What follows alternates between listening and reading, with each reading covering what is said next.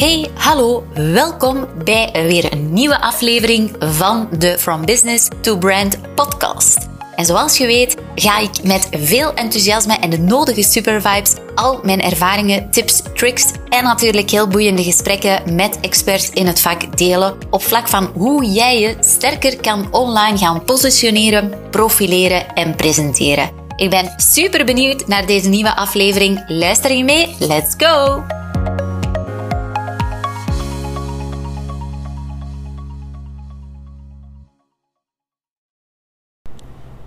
Hoi, superleuk dat je weer luistert naar een nieuwe aflevering van de From Business to Brand podcast. En deze keer vanuit de auto, I'm on the go.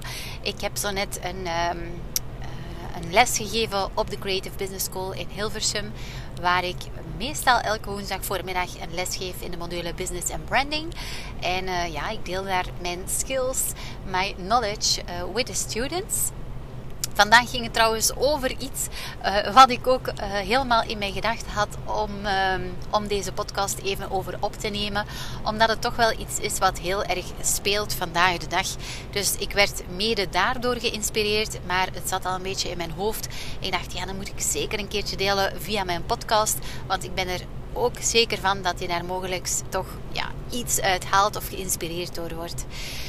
En het zit hem eigenlijk in iets simpel, maar wat, maar wat vaak toch heel erg moeilijk is op vlakken van um, ja, jouw, jouw business en op welke manier dat jij een voorsprong kan hebben op vlak van jouw conculega's of concurrenten of in het algemeen waarin jij het verschil kan maken in jouw sector. Want vandaag de dag zijn het best uitdagende tijden op vlak van ja, economie.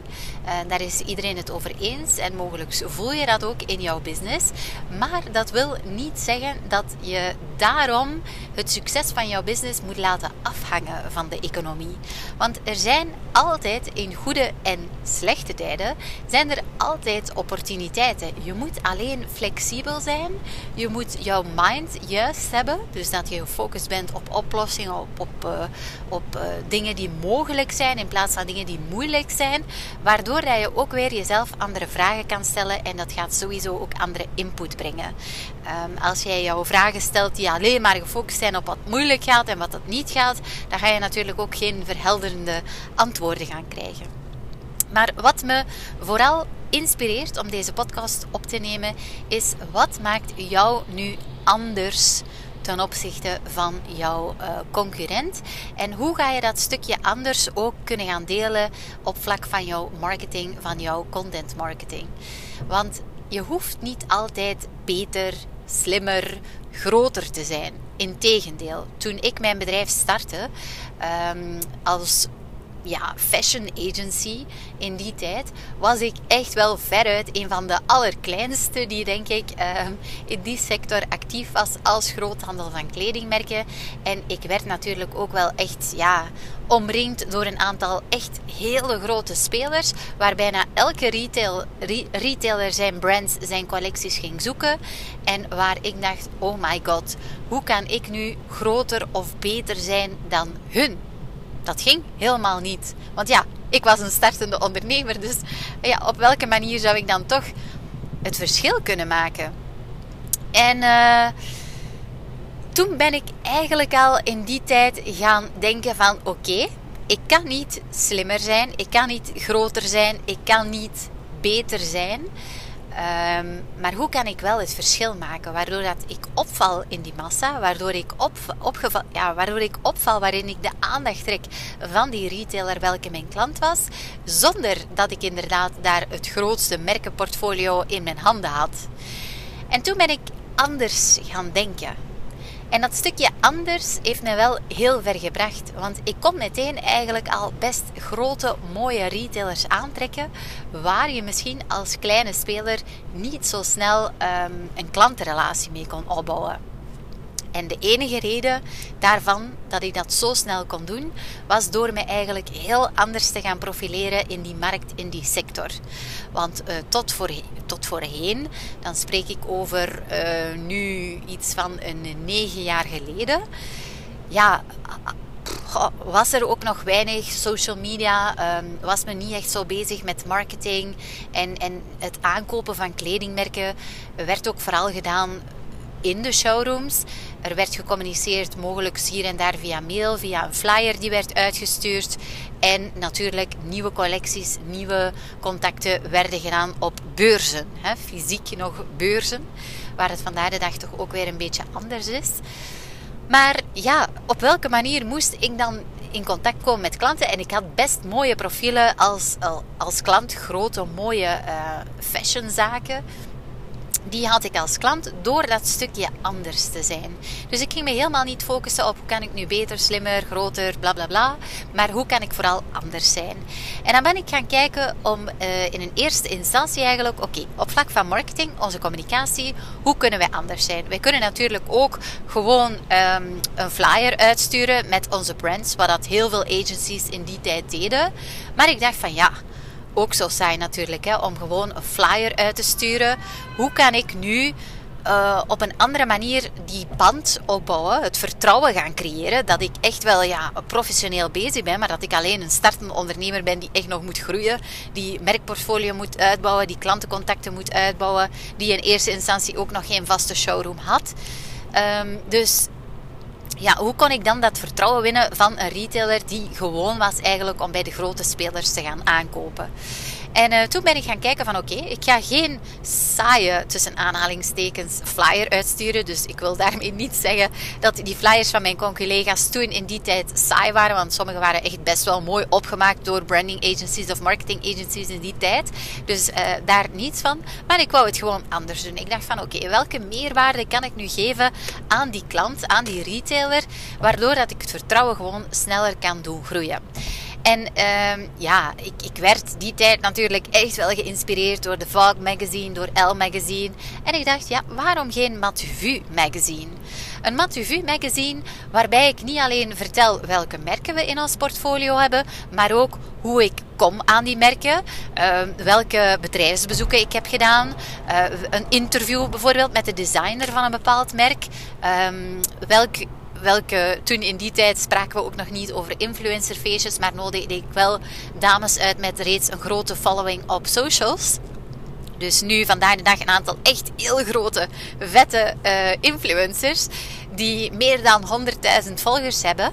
En die moeilijk bereikbaar zijn door, uh, door brands vaak. Of die heel selectief zijn. Ja, die kwamen toen nog gewoon in mijn showroom uh, kleding paste. En die met veel plezier toonde die dat op de socials. Dus ik was daar een van de pioniers, denk ik, op dat vlak in uh, samenwerking met influencers. Maar ja, dat nam ik eigenlijk allemaal mee in mijn magazine. Dus in Matuvu Magazine. En uh, dat magazine, dat verdeelde ik dan onder klanten en prospects. En ik moet zeggen, naarmate dat de socials groeiden, toonde ik natuurlijk ook meer en meer het Matevu magazine online. En waren er effectief wel mensen die totaal niets te maken hadden met fashion, of die mogelijk misschien eh, hier of daar wel geïnspireerd waren of zelf bezig waren met wat styling of fashion. Die begonnen mij te vragen: Ilse, waar kan ik jouw magazine kopen? Dus ik dacht: halleluja, misschien moet ik een magazine gaan uitbrengen. Maar nee, daar uh, lag niet meteen mijn passie. Maar het was dus een manier om te communiceren met mijn uh, ideale klant, met mijn retailers, met mijn prospects. Um, ja, wat anders was dan de conculega's deden. De conculega's die vaak veel groter waren. Um, dus ja, waar ik op dat vlak niet mee kon uh, concurreren. Dus dat magazine groeide en ik merkte ook effectief dat ik daardoor meer en meer mooie retailers kon aantrekken. Omdat ze ja, helemaal verkocht waren door de professionaliteit, de manier waarop ik bezig was met mijn business, de passen die ik erin legde. En dat het vaak zelfs niet echt uitmaakte welke brands ik had of nieuwe brands. Ze zeiden gewoon, als je iets nieuws hebt, laat je het maar weten. Dus ja, als ik dan een nieuw brand had, dan had ik heel vaak al direct meteen mooie orders van grote winkels. Omdat ja, zij waren toch helemaal weg eh, van de manier waarop ik mijn business runde. Dus, uh, dus ja, moest ik niet meer gaan concurreren met, met groter of in aantallen of in omzet of in, in het aantal brands uh, welke ik verdeelde. Of aantonen voor welke retailers ik, uh, met welke retailers ik reeds mocht werken. Dus dat was een stukje waarin ik dingen anders deed. Nu, natuurlijk, uh, ja, heeft jouw concurrentie mogelijk ook altijd wel een oogje hè, in het zeil Tegenwoordig wordt de uitdrukking van daar ga ik mijn mosterd halen ook wel vaak gebruikt. Ik vind het eigenlijk wel een grappige uitdrukking, dus daar ga ik mijn mosterd halen. Uiteraard wordt iedereen altijd geïnspireerd. Ik ook. Ik word, ik word heel vaak geïnspireerd door um, agencies of bedrijven in het buitenland, maar ook mogelijk vaak door, ik zeg maar iets, een, een Apple, een Spotify, een Coolblue, uh, die op een bepaalde manier communiceren, die op een bepaalde manier hun branding en marketing doen, waarin ik denk van, oh, dat is een leuk idee. Misschien niet voor ons meteen, maar voor klanten bijvoorbeeld, of, of wel te vertalen naar onze sector. Dus ja, uiteraard word je geïnspireerd door anderen. En ga jij jouw mosterd mogelijk ook halen bij anderen. Uh, maar zolang die mosterd of dat mosterdpotje maar niet volledig van A tot Z branding gewijs wordt gekopieerd, denk ik dat dat ook niet veel uitmaakt. Je mag je uiteraard inspireren. Maar toch had ik hier en daar wat conculega's die ook iets gelijkaardigs gingen lanceren als een soort brochure of magazine. En ik dacht, oké, geen probleem. Wat kunnen we nu nog anders doen dan de spelers in mijn markt? En uh, ik was natuurlijk heel erg bezig met die marketing. En uh, ik kreeg daar ook wel vaak tijdens uh, verkoopgesprekken op vlak van, van kledingmerken kreeg ik ook heel vaak de vraag van klanten van hey Ils, leuk die marketing, hoe dat je dat bedenkt. Um, ook hoe jullie de social media doen. Ik zou daar eigenlijk ook eens wat meer moeten over weten. Ik dacht van, hey, goed idee. Ik ga eens een keertje een, een, een soort van expert class geven voor mijn retailers, voor mijn klanten. Gewoon om wat meer waarde te brengen dan puur en alleen maar de verkoop van de producten. Of de verkoop van de collecties. Dus ik lanceerde één keer per maand een expertclass voor mijn klanten, waar mijn klanten voor een heel klein bedrag konden aan deelnemen. Om toch meer en meer, ja, een beetje meer expert te worden met hun socials, omdat dat toch wel de way to go is. Marketing tool, zeker op vlak van lifestyle, fashion, om, uh, om jouw producten in de kijker te zetten. En ja, ten opzichte van toen, eh, ik spreek nu van 2017. Um, dus dat is vijf jaar geleden. En nu is er al ontzettend veel veranderd natuurlijk op online marketinggebied. Maar um, ja, toen waren er heel veel mensen die voor de eerste keer begonnen met Instagram bijvoorbeeld. En die daar mooie uh, plaatjes op delen, maar die dan toch niet echt konden groeien. Hoe moesten ze stories gebruiken? Ja, al die dingen eigenlijk. Kleine vragen die aan bod kwamen. Maar wel een heel leuk uh, moment, die expert classes. Want er werd ook genetwerkt. Het waren mensen uit dezelfde sector. Uh, dus het was eigenlijk een hele leuke boel waarin er ook echt wel waarde en, en nieuwe kennis werd geleerd. En dat werd ook weer opgepikt, dus meer en meer niet-klanten mochten ook deelnemen. Want ik had zoiets van, ja, als ik de waarde toch deel voor mijn klanten, maakt het niet uit. Ik ga niet iemand verplichten om bij mij producten aan te bieden. Als zij gewoon de fee betaalden om deel te nemen aan de klas, mogen zij gerust ook deelnemen aan die klas. Nu, natuurlijk, gedurende de jaren uh, groeide dat dan ook weer uit. Hè, waar we dan nu vandaag de dag staan met Matevue, waarin we effectief focussen op die branding en die marketing en de bedrijven helpen in de groei naar een sterk merk. Met echt die focus op die content en dat stukje brandbuilding en die brandmarketing. Maar ja, toen kreeg ik zelfs ooit een telefoontje van een conculega. En die zeiden, goh ik vind het toch eigenlijk wel best heel fascinerend hoe dat jij het allemaal klaarspeelt. En ik moet zeggen, het was echt een groot agency welke mij contacteerde. En misschien moeten we eens een keertje samenwerken. Maar die samenwerking is er ook nooit van gekomen, want toen daarna begon ook um, COVID en, en, waren we ook al veel meer eigenlijk toegespitst op die marketing. Uh, minder eigenlijk als agency, dus de brands die we nog verdeelden, heb ik dan ook verspreid over andere agencies om de klanten verder te kunnen helpen. Um, maar ja, ik dacht echt wel, ja, kijk, dat zijn dus eigenlijk allemaal dingen die gewoon helpen om op te vallen in de massa. En waarbij je dus effectief onderscheidend uit de hoek kan komen. Want door dat stukje anders te zijn, ga je opvallen. En ga je dus ook effectief jouw juiste klanten of jouw gewenste klanten kunnen aantrekken. Ga je meer opportuniteiten aantrekken, samenwerking kunnen aantrekken, deals kunnen aantrekken, verkoop kunnen realiseren. Waar je van tevoren eigenlijk nooit aan gedacht zou hebben. Want je vertrekt heel vaak van wat er is nu op dit moment. Maar je moet eigenlijk gaan kijken van hoe kan ik iets anders doen dan de, de ja, de bedrijven in jouw sector, dan jouw uh, markt, dan jouw conculega's. Hoe kan ik bepaalde dingen op een andere manier brengen? Je hoeft daarom geen andere producten of diensten te hebben. Je moet gewoon kijken van wat kan ik anders doen. En dat stukje anders, dat ligt hem heel vaak in een combinatie van uh, een aantal ja, hoe zal ik het zeggen? Jouw, jouw USP's, hè, zoals ze in marketing heel vaak zeggen, jouw unique selling point. Door daar een soort van combinatie van te maken, wat echt wel uniek is voor jouw business, voor jouw product en de manier waarop jij jouw producten of diensten aanbiedt. Een bepaalde mix of iets wat toegepast wordt in een andere sector, maar heel innovatief is voor jouw sector. En wat daarbij niet alleen anders is, maar natuurlijk ook wel echt waarde brengt hè, voor, jou, voor jouw um, voor jouw klant, voor jouw ideale klant. Want in het geval van het Matevu magazine en in het geval van de uh, expert classes, de workshops die ik toevoegde, ja, uh, was dat ook effectief um, anders. Maar ik bracht ook wel effectief heel veel waarde. Het is niet zo dat ik gewoon maar even iets anders deed en waar dat de klant dacht van halleluja, wat heb ik daar nu in godsnaam aan? Dus ja, een stukje waarde moet er zeker wel in zitten. What's in it for me? What's in it for me as a client, as a customer? En uh, dat heeft mij dus eigenlijk uh, heel ja, ver kunnen doen groeien. En ik moet ook zeggen, door dat uh, toe te passen, en vandaag de dag nog steeds toe te passen, zijn wij toch een van de bedrijven die altijd ook wel opvallen in de massa en onderscheidend zijn. Dus vandaag worden we dan misschien meer gecategoriseerd onder de kenmerk van marketing agency, maar wij zijn absoluut een zeer atypisch marketing agency, want ik vertrek altijd vanuit de branding, vanuit de merkidentiteit. Dus bij ons is die, dat stukje branding, die identiteit, hè, het zit sowieso in onze slogan Be branded, be different, be you. Dat stukje onderscheidend zijn, dat verschil maken, dat eigen zijn. Wie zijn de mensen achter jouw team? Wie ben jij als ondernemer? Wat maakt jou uniek?